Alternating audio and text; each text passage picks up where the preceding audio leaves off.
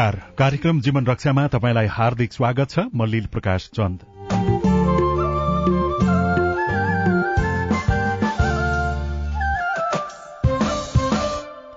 सामाजिक शैक्षिक व्यावसायिक गतिविधि स्वास्थ्य सावधानी समसामयिक राजनीतिक परिवेशको बारेमा यो कार्यक्रममा हामी विशेषतः छलफल गर्छौं। सामुदायिक रेडियो प्रसारक संघ अकुराबद्वारा संचालित सीआईएनको प्रस्तुति यो कार्यक्रम जीवन रक्षा। कार्यक्रम जीवन रक्षा सीआईएन मार्फत मुलुकभरका सामुदायिक रेडियो वेबसाइट सीआईएन खबर dot com Facebook page CIN खबर सीआईएन साझा खबर मोबाइल एप सीआईएनबाट पनि तपाई सुनिरहनु भएको छ। आजको कार्यक्रम जीवन रक्षामा हामी नयाँ सरकार गठनका लागि शुरू भएको प्रक्रिया र सरकारमा निर्माणमा दलहरूको तालमेल अनि सहकार्य र अपाङ्गता भएका व्यक्तिले नयाँ सरकार संसदबाट गरेको अपेक्षाका बारेमा हामी कुराकानी गर्दैछौ। यसबारेमा तपाईँको पनि कुनै विचार वा जिज्ञासा छ भने हामीलाई अहिले नै फोन गर्न सक्नुहुन्छ। हामीलाई शून्य एक बान्न साठी छ सय एकसठीमा अहिले नै फोन गर्नुहोला। शून्य एक बान्न साठी छ सय एकसठीमा फोन गर्नुहोला। तपाईँले कार्यक्रम जीवन रक्षा हाम्रो फेसबुक पेज सीआईएन खबरबाट सुन्दै हुनुहुन्छ भने त्यहाँ कमेन्ट गर्नुभयो भने पनि हामी तपाईँका जिज्ञासा सम्बोधनको प्रयास गर्नेछौं। नयाँ सरकार गठनका लागि राष्ट्रपति विद्यादेवी भण्डारीले दलहरूलाई आह्वान गरिसक्नु भएको छ। संविधानको धारा छिहत्तरको उपधारा दुई बमोजिम एक हप्ताभित्र प्रधानमन्त्रीमा दावी पेश गर्न उहाँले आह्वान गर्नुभएको हो। नयाँ निर्वाचनको परिणाम अनुसार कुनै पनि दलले बहुमत प्राप्त नगरेका कारण दुई वा दुईभन्दा बढ़ी दलको समर्थनमा प्रतिनिधि सभामा बहुमत प्राप्त गर्न सक्ने सदस्यलाई प्रधानमन्त्रीमा दावी पेश गर्न आह्वान गरिएको हो। यसका लागि पुष दश गते साँझ पाँच बजेसम्मको म्याद दिइएको राष्ट्रपति कार्यालयले जारी गरेको विज्ञप्तिमा उल्लेख गरिएको छ। संविधानमा राष्ट्रपतिले प्रतिनिधि सभामा बहुमत प्राप्त संसदीय दलको नेतालाई प्रधानमन्त्री नियुक्त गर्ने र निजको अध्यक्षतामा मन्त्री परिषदको गठन हुने व्यवस्था गरिएको छ। अबको एक हप्ता नेपाली राजनीतिको परिदृश्य कस्तो रहला? हामीसँग कुराकानीका लागि विश्लेषक पुरूषोत्तम दहाल टेलिफोन सम्पर्कमा हुनुहुन्छ। दालजी स्वागत छ यहाँलाई कार्यक्रम जीवन रक्षामा। हस् धन्यवाद। अब औपचारिक रूपमा राष्ट्रपतिज्यूले जुन पत्र पठाउनु भयो दलहरूलाई आह्वान गर्नुभयो सरकार गठनको लागि अब अबका सात दिन कस्तो रहला नेपालका? निकै रमाइलो होला नि। अब अहिलेको बेलामा भन्ने हो भने गठबन्धन संयुक्त गठबन्धनबाट निर्वाचित सांसदहरू हुनुहुन्छ दलहरू हुनुहुन्छ। अनि तालमेलदेखि निर्वाचित हुनुभएका सांसदहरू हुनुहुन्छ। स्वतन्त्र सांसदहरू हुनुहुन्छ एकल ढङ्गले लड्नुभएका पार्टीका सांसदहरू हुनुहुन्छ। स्वाभाविक अब सरकार सबैको लक्ष्य भनेको सांसद हुनु मात्रै छैन। सबैको लक्ष्य भनेको सरकार बनाउने र कार्यकारी अधिकार प्रयोग गर्ने भन्ने कुरा हुन्छ। त्यस कारणले अब मलाई लाग्छ नेपालको पाँच वर्षको राजनीतिलाई कुन रूपमा लिएर जाने? पाँच वर्षको राजनीति मात्रै होइन पाँच वर्षसम्म मुलुकको विकासदेखि त्यसपछि मुलुकको संरक्षणको सुरक्षाको स्वाभिमानको सुरक्षाको प्रश्नहरू पनि हुन्छन् त्यसलाई कसरी अगाडि बढाउने र अहिलेको राजनीतिक प्रणालीलाई कसरी व्यवस्थित संस्थागत बनाएर लिएर जाने भन्ने कुरामा केन्द्रित हुने भएको हुनाले यो आगामी दिनको नेतृत्व जुन अभ्यास हुँदैछ नेतृत्वका लागि त्यो महत्वपूर्ण हुन्छ र त्यो ती अभ्यासहरूमा अब दलहरू लागिसक्नु भएको देखिएको छ।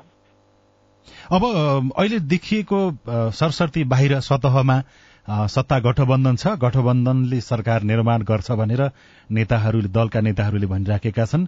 नेकपा एमाले पनि कुनै नेताले सरकारको नेतृत्वमा नेकपा एमाले लगायत अरू राजनैतिक दल पुग्नुपर्छ भनेर त्यो जनताले त्यो म्यान्डेट दिए भनेर व्याख्या गर्छन्। कतिपयले सरकारमा एमाले जाँदैन प्रतिपक्षमा पनि बस्छ भनेर भनिराखेका छन्। यद्यपि अब प्रधानमन्त्रीमा सरकारमा रहेका दलभित्र दुई दल माओवादी केन्द्र र नेपाली कांग्रेसको तर्फबाट छुट्टा छुट्टै दावी पेश भइराख्दाखेरि भित्रभित्रै पाकिराखेको के हुन सक्छ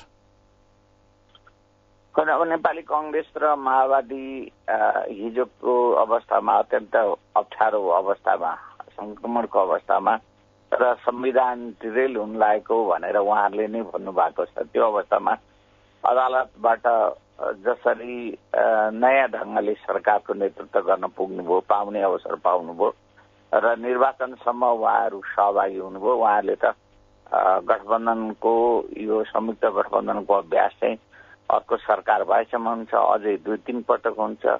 भन्ने कुरा पनि सार्वजनिक रूपमा भन्नुभएको छ।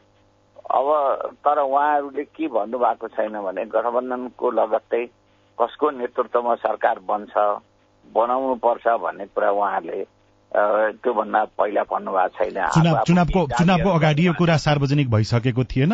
एमाले यदि सरकारमा जानु पर्यो भने अध्यक्ष ओली नै भावी प्रधानमन्त्री भनेर घोषणा गरेको थियो। हो एकदम नै त्यसरी हेर्ने हो भने संसदीय दलको नेतृत्व कसको हुन्छ भोलिका दिनमा भन्ने कुरा नेकपा एमाले बाहेक कसैले पनि घोषणा गर्नु भएको छैन।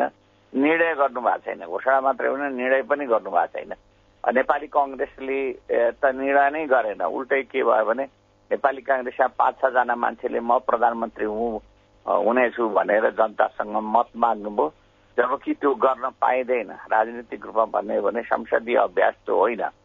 संसदीय प्रजातन्त्रको अभ्यास त्यसरी हुँदैन। पार्टीले निर्णय गरेर कसलाई कसको नेतृत्वमा चुनाव लड्ने भन्ने तय भएर अनि संसदमा गएर त्यो व्यक्ति जितेर आउँछ कि हार्छ अब त्यो मान्छे हार्यो भनेदेखि मात्रै अर्को मान्छे निर्णय गर्छ। अन्यथा अवस्थामा यसरी अगाडि बढ्ने कुरा हुन्छ। अब यो यो सन्दर्भ यो सन्दर्भ यो सन्दर्भमा त सभापति देउवाले पनि सुदूरपश्चिमबाट म बाहेक अरूको प्रधानमन्त्री बन्छ भन्नुभयो अनि नेता गगन थापाले पनि अबको म नेतृत्वमा पुग्ने हो त्यस कारणले मलाई जिताउनुपर्छ भन्नुभयो। त्यसका तपाईँको भनाइअनुसार त्यसो उहाँहरूले जुन ढंगबाट जुन कुरा देखाएर मतदातासँग मत माग्नुभयो त्यो गलत थियो? त्यो गलत थियो। उहाँहरू दुईजनाको मात्रै कुरा होइन। शेरबहादुरजीले त बरु कमै बोल्नुभयो भावना। तर गगन थापाजीले त एकदम नै प्रारम्भदेखि अन्तिमसम्म म प्रधानमन्त्री हुँ भनेर दावी गर्नुभयो र डाक्टर शशाङ्कले त्यही कुरा गर्नुभयो। म नेतृत्वमा जानलाई नै हो भनेर रामचन्द्र पौडेल प्रकाश मान्जीले पनि भन्नुभयो। मैले के भनेको भने यो एकदम नै उहाँहरूको अभ्यास अपरिपक्व अभ्यास हो। व्यक्ति परिपक्व होला नि या राजनीतिक रूपमा त्यो फरक हो। तर त्यो अभ्यास हुँदैन। म म प्रधानमन्त्री हुन्छु भनेर भोट माग्ने कुरा चाहिँ जनतालाई झुक्याउने कुरा हुन्छ। अब जोसुकै भए पनि एकजना हुने हो। अब नेपाली कङ्ग्रेसकै बहुमत आयो भने नेपाली कङ्ग्रेसको संसदीयले चुनाव उहाँहरूलाई निर्वाचित गर्यो भने बल्ल एकजना मान्छे प्रधानमन्त्री हुने हो। अब यति विधि श्रेणीहरू माथि हुँदा हुँदै तल जनतालाई त्यो भ्रमित ल्याउनु चाहिँ गलत हो। यो लोकतन्त्रमा सकेसम्म जनता झुक्क्याउनु हुँदैन र जनता सार्वभौम छन् र त्यो सार्वभौम जनतालाई झुक्क्याउन पनि पाइँदैन। उसलाई बढ्न अंश बढ्न गर्न पनि पाइँदैन भन्ने हुन्छ। तर हाम्रोमा सबै कुराहरू जायज जस्तो देखिएको छ। तर त्यो के को लागि भन्दा सत्ताको लागि। खै यो कुरा पुरानो भइसक्यो। अब तपाईँले यो विषयवस्तुमा भोलि सैद्धान्तिक बहस होला। तर अबको कुरा के हो भने अब त्यो गठबन्धन रहन्छ रहँदैन हिजोको संसद दलको नेतृत्व कसरी होला र कसका बिचमा हुन सक्ला भन्ने कुरा अब केही दिनको अत्यन्त चासो र बहसको विषय हुन्छ। तर जस्तो यदि नेपाली कंग्रेसको संसदीय दलको नेता को बन्छ भन्ने कुराले पनि अहिलेको गठबन्धन भत्किन्छ कि अथवा निरन्तर रहन्छ भन्ने कुराको निर्क्योल गर्छ कि गर्दैन? त्यो त गर्छ नि। किनभने कसको नेतृत्वमा चुनाव लडिराखेका छ? एउटा सामान्य प्रक्रिया के हो भने जसको जुन पार्टीको गठबन्धन को नेतृत्व जसले गरिराखेका छ त्यसले निर्वाचन सम्पन्न गरेको छ गठबन्धन कायम गरेको छ अगाडि बढिराखेको छ। एउटा स्वाभाविक देखिन्छ के हो भने उसले न नचाहेसम्म त्यो दलको अर्को व्यक्ति नेतृत्वमा जाँदैन। अर्थात् त्यो त्यो दलको जो जसले नेतृत्व गरिरहेका छ अर्को व्यक्ति विकल्पको रूपमा अगाडि आउँदैन। सामान्य सामान्य कुरा हो। यदि होइन उसैले छोड्यो भने जस्तो अहिले शेरबहादुरजीले म अब चुनाव लड्दिनँ भन्नुभयो भने अर्को जो पनि चुनावमा जित्न पनि सक्छ र उहाँले कसलाई समर्थन गर्नुहुन्छ? फेरि अब गणितको खेल हो अब त यो कुनै जनताको हातमा चाहिँ अदृश्य छैन नि। अब त दृश्य भइराखेको छ दृश्य सङ्ख्या छ अब त।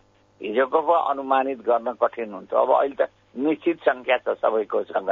नेपाली काङ्ग्रेसको कुरा गर्ने भने उनानब्बे सिट छ। उनानब्बे सिटमा शेरबहादुर देउबासँग जोडिएको मान्छेहरू भनेको बैसठी सिट भइसक्यो। हिजो मैले डाक्टर शशाङ्कको चाहिँ उहाँको अभिव्यक्ति पढ्दै थिएँ कतै।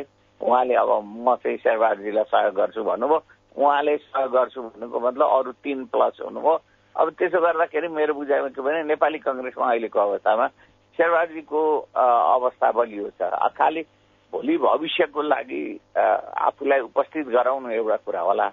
अब होइन शेरबहादुरजीले अब म नेतृत्व गर्दिनँ भन्नुभयो भने नेपाली कङ्ग्रेसमा शेरबहादुरजीले जसलाई समर्थन गर्नुहुन्छ त्यही नै जित्ने सम्भावना छ। अब त्यही नै संसदीय दलको नेता हुने स्थिति छ। अब जहाँसम्म गठबन्धनभित्रको कुरा छ अब त्यसमा पाँचवटा दलहरू गठबन्धनमा छन्। पाँचवटा दलहरूमध्ये एकदमै निर्णायक भूमिका खेल्ने भनेको अहिलेको बेलामा नेकपा माओवादी केन्द्र हो। माओवादी केन्द्र चाहिँ नेपाली काङ्ग्रेससँग बस्यो भने नेपाली काङ्ग्रेस सरकार बनाउन सजिलो हुन्छ। अब बसेन भने नेकपा एमालेसँग गयो भने नेकपा एमालेलाई सजिलो हुन्छ। अब कतापट्टि जान्छ भन्ने कुरा चाहिँ उसको हातमा छ अहिले। तर माओवादी केन्द्रका अध्यक्ष प्रचण्डले आफूले प्रधानमन्त्री पाउनुपर्ने नेतृत्वको सुरुवाती चरणको नेतृत्व आफूले पाउनुपर्ने भन्दै गर्दाखेरि अब कंग्रेस सभापति देउबा जो अहिले पनि प्रधानमन्त्री हुनुहुन्छ। उहाँले संसदीय दलको नेता जित्ने अभियान शुरू गर्दै गर्दाखेरि यो सम्भव छ? माओवादी केन्द्र अहिलेको गठबन्धनमा रहिरहनको लागि त्यस्तो स्थिति आउन सक्छ कि सक्दैन? होइन माओवादी केन्द्रले दावी गर्नु स्वाभाविक हो किनभने जहाँनिर अप्ठ्यारो पर्छ त्यहाँनिर माग हुन्छ। तपाईँले दुई हजार एकाउन्न सालको चुनावको परिणामलाई तपाईँहरूले अध्ययन गर्नुभयो होला। देख्नुभयो कि भएन मलाई थाहा छैन। तर अध्ययन त पक्कै गर्नुभयो। दुई हजार एकाउन्न सालमा नेपाली कङ्ग्रेस र एमालेका बिचमा राष्ट्रिय प्रजातन्त्र पार्टी उन्नाइस बिस सिट ल्याएर बसेका थियो। त्यो पार्टीका दुईजना मान्छे प्रधानमन्त्री हुनुभयो हेर्नुहोस् चार वर्षको भित्र। सूर्यबहादुर थापा र लोकेन्द्रहरू छन्। त्यही दावी गर्दै। कहिले नेपाली कङ्ग्रेससँग दावी गर्ने बार्गेनिङ गर्ने कहिले एमालेसँग बार्गेनिङ गर्ने हुँदा हुँदै उहाँहरू दुई दुईजना प्रधानमन्त्री हुनुभयो। अब त्यस्तै कुरा माओवादीले त्यो त्यसलाई के भनिन्थ्यो भने त्यो सबैभन्दा नराम्रो जुन बेलामा नेपालको संसदीय अभ्यास भयो त्यो भनेको दुई हजार एकाउन्न सालदेखि पचपन्न सालसम्म भएको त त्यो अभ्यास त्यस्तै अभ्यास दोहोऱ्याउन चाहन्छ माओवादीले भने एउटा कुरा हो। होइन भने स्वाभाविक नेतृत्वको कुरा उसले अगाडि बढाउनु पर्ने स्थिति हुन्छ। तर तपाईँले जुन एकाउन्न सालदेखि पचपन्नको कुरा गर्नुभयो नि त्यतिखेर कसैको पनि बहुमत नपुग्दाखेरि साना दलहरूलाई भाग पुर्याउने नाममा हरेक कुरामा त्यो तपाईँले अघि भने जस्तै जुन खराब प्रकारको एउटा अभ्यास त्यतिखेर चल्यो भन्नुभयो र यो सांसद किनबेचदेखि सब बेपत्ता सांसद बेपत्ता बनाउनेदेखि लिएर विदेश भ्रमणमा पठाइदिनेसम्मका त्यो त्यो घटना फेरि नदोहोरियोस् भन्नको लागि अहिले गठबन्धनमा रहेका अथवा नरहेका दलले सावधानी अप्नाउनु पर्ने कुरा चाहिँ के हो? होइन सावधानी त सिधै छ। पहिलो कुरा त के हो भने यदि सुनिश्चित गर्ने भने दुईटा दल मिले हुन्छ। काङ्ग्रेस र माओवादी केन्द्र नेपाली कङ्ग्रेस र नेकपा एमाले मिलेर सरकार बनाए हुन्छ। त्यो अवस्था आउन सक्छ? होइन किन नहुनु? बहुमत पनि हुन्छ र त्यसले कमसेकम पाँच वर्ष मिलाएर सरकार चलाउने साँच्चै नै उहाँहरू यो प्रणाली बचाउन चाहनुहुन्छ साँच्चै नै यो मुलुकलाई व्यवस्थित गराउन चाहनुहुन्छ भने मेरो बुझाइमा नेपाली कङ्ग्रेस र एमालेको एकदम नै दुईटा जोड्दाखेरि स्पष्ट बहुमत हुन्छ र असाध्यै सजिलो हुन्छ त्यो बहुमत। दुईटामा मात्रै जति बार्गेनिङ गरे पनि दुईटा मात्रै हुन्छन् त्यस कारणले नराम्रो खेल हुने सम्भावना हुँदैन घट्छ अब होइन भने अब साना दलहरू जसले पनि अरू बाँकी दलहरूलाई साथमा राख्नुपर्ने हुन्छ। अनि उहाँहरूको बार्गेनिङको सामना गर्नुपर्ने हुन्छ र त्यो समाधान गर्नुपर्ने हुन्छ। जस्तो अहिले अहिले यसो हेर्दाखेरि माओवादी अध्यक्ष पुष्पकमल दाहालले अथवा चाहिँ समाजवादी अध्यक्ष माधव कुमार नेपालजीहरूले अब ठुलो दलहरूसँग उहाँहरू बार्गेनिङ गरिरहनु भएको छ। एमालेसँग पनि जानुभएको छ उहाँहरू यो कुरा गर्न। काङ्ग्रेससँग पनि पुग्नु भएको छ। गठबन्धनमा बस्नु भएको छ। चुनावका बेलामा हामी यो गठबन्धन कुनै पनि हालतमा यताउता हुन दिँदैनौँ भनेर भन्नुहुन्छ। तर अहिले सरकार बनाउने चाहिँ फेरि एमालेसँग पनि पुगिरहनु भएको देखिन्छ।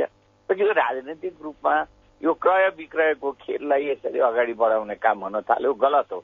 अब माओवादी अध्यक्ष प्रचण्डले यदि पहिला सम्झौता गर्नुभएको छ सहमति छ नेपाली कङ्ग्रेससँग छ भनेदेखि उहाँले दावी गर्नु स्वाभाविक हो।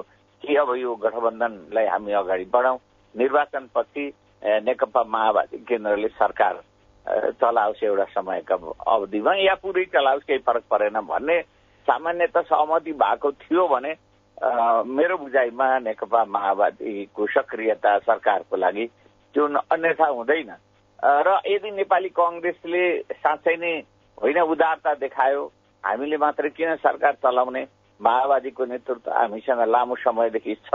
त्यस कारणले हामीले उहाँहरूलाई नेतृत्व दिउँ भनेर नेपाली कङ्ग्रेसले सहयोग गर्दा पनि राम्रो हुन्छ। कुनै पनि अन्यथा अवस्थाको बार्गेनिङ नगरिकन। यो त समझदारीको कुरा हेर्नु तपाईँ कुन खालको राजनीतिक संस्कृति कुन खालको राजनीतिक चेतना विस्तार गर्न खोजिरहनु भएको छ? खालि सत्तालाई अन्तिम सत्य ठान्ने सोच मात्रै त्याग गर्नुपर्छ।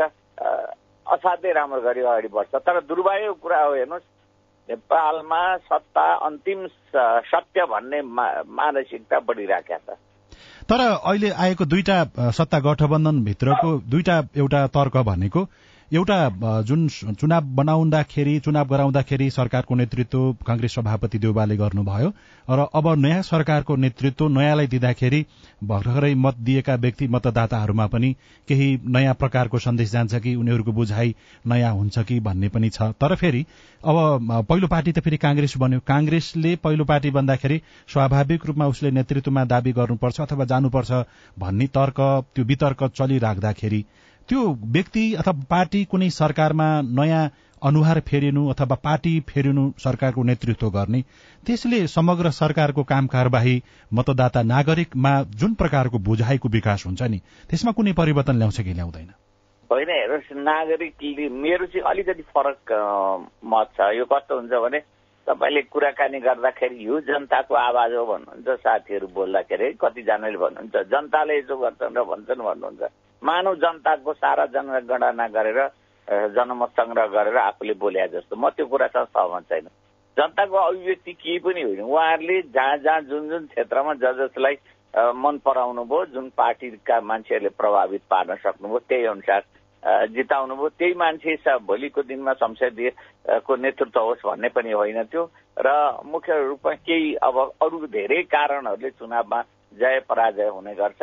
र कसको सरकार बनोस् भन्ने कुरा भन्दा पनि जसले पनि आफूले मत दिएको व्यक्तिले व्यक्तिको पार्टीले दलले व्यक्तिले सरकारको नेतृत्व गरोस् भन्ने स्वाभाविक चाहना हुन्छ। त्यो मात्रै हो।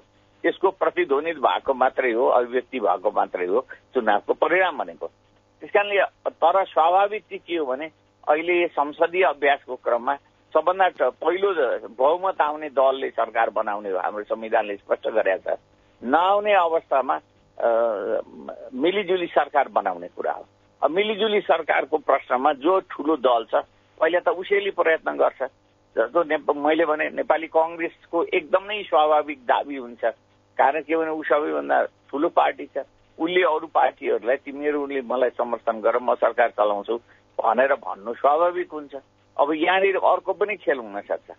ठुला पार्टीहरूलाई फुटाएर आफूसँग लिने खेल पनि हुन सक्छ। जो एकाउन्न जो एकाउन्न पछिको अभ्यासमा यो धेरै त्यस्तो अभ्यास त हुन पनि सक्छ। जस्तो तपाईँले एउटा कुरा एउटा नमुना बताइदिउँ म।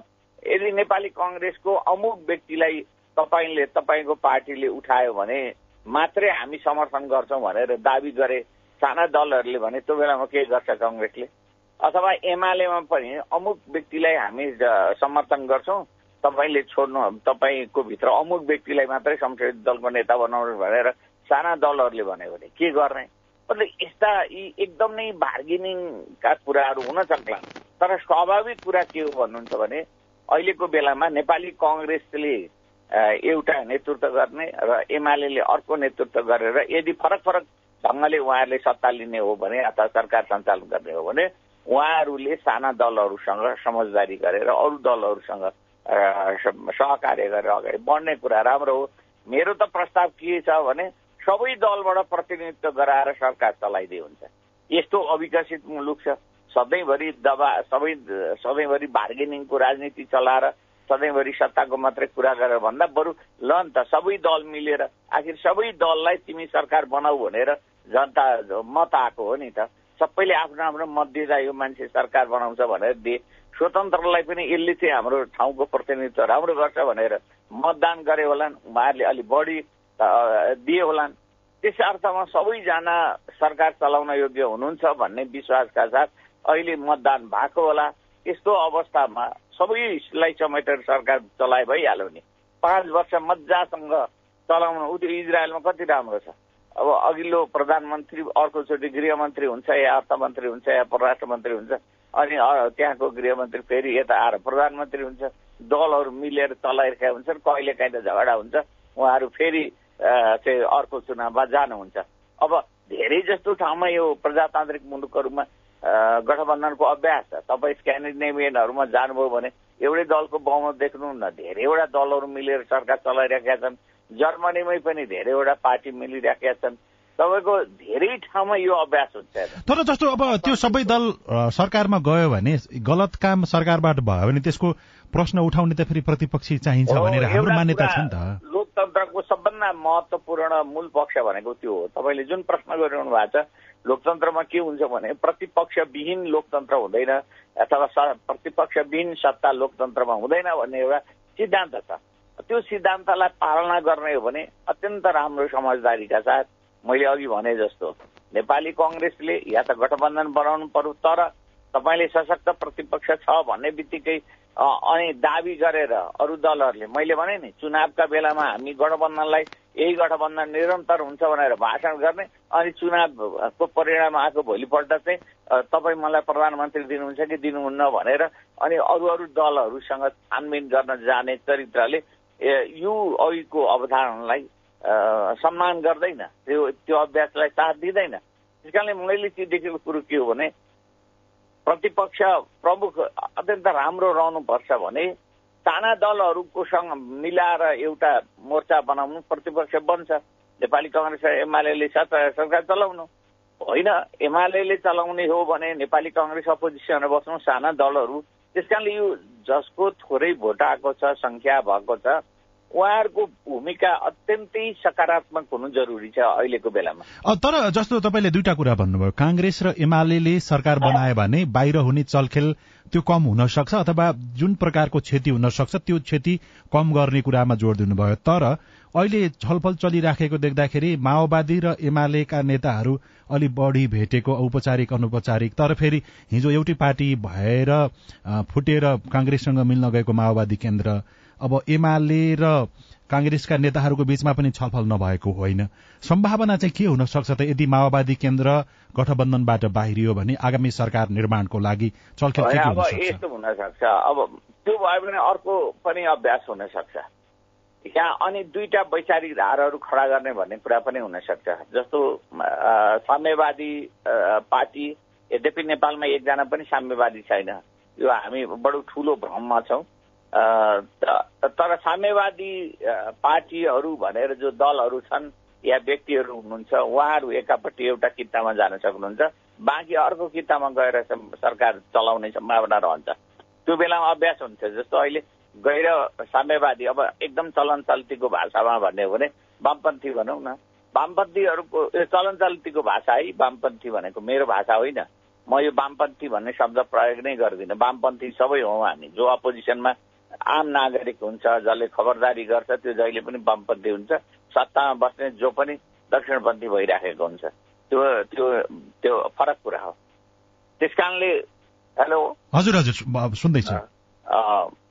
सत्तामा बसेको नै दक्षिणपन्थी जस्तो काम गरिरहेको हुन्छ। त्यस कारणले गैर वामपन्थीहरूको मोर्चा भन्ने हुन सक्छ यदि माओवादीले एमालेसँग गएर मिलेर सरकार बनाउने भन्ने कुरा भयो भने अब अहिले जसपा पनि अलिकति रुष्ट छ एमालेसँग। हामीले राम्रो परिणाम ल्याउन सकेनौँ भनेर लोसपा नेपाल पहिला नेपाली कङ्ग्रेस यही गठबन्धनमा मिलेर चलेको हो।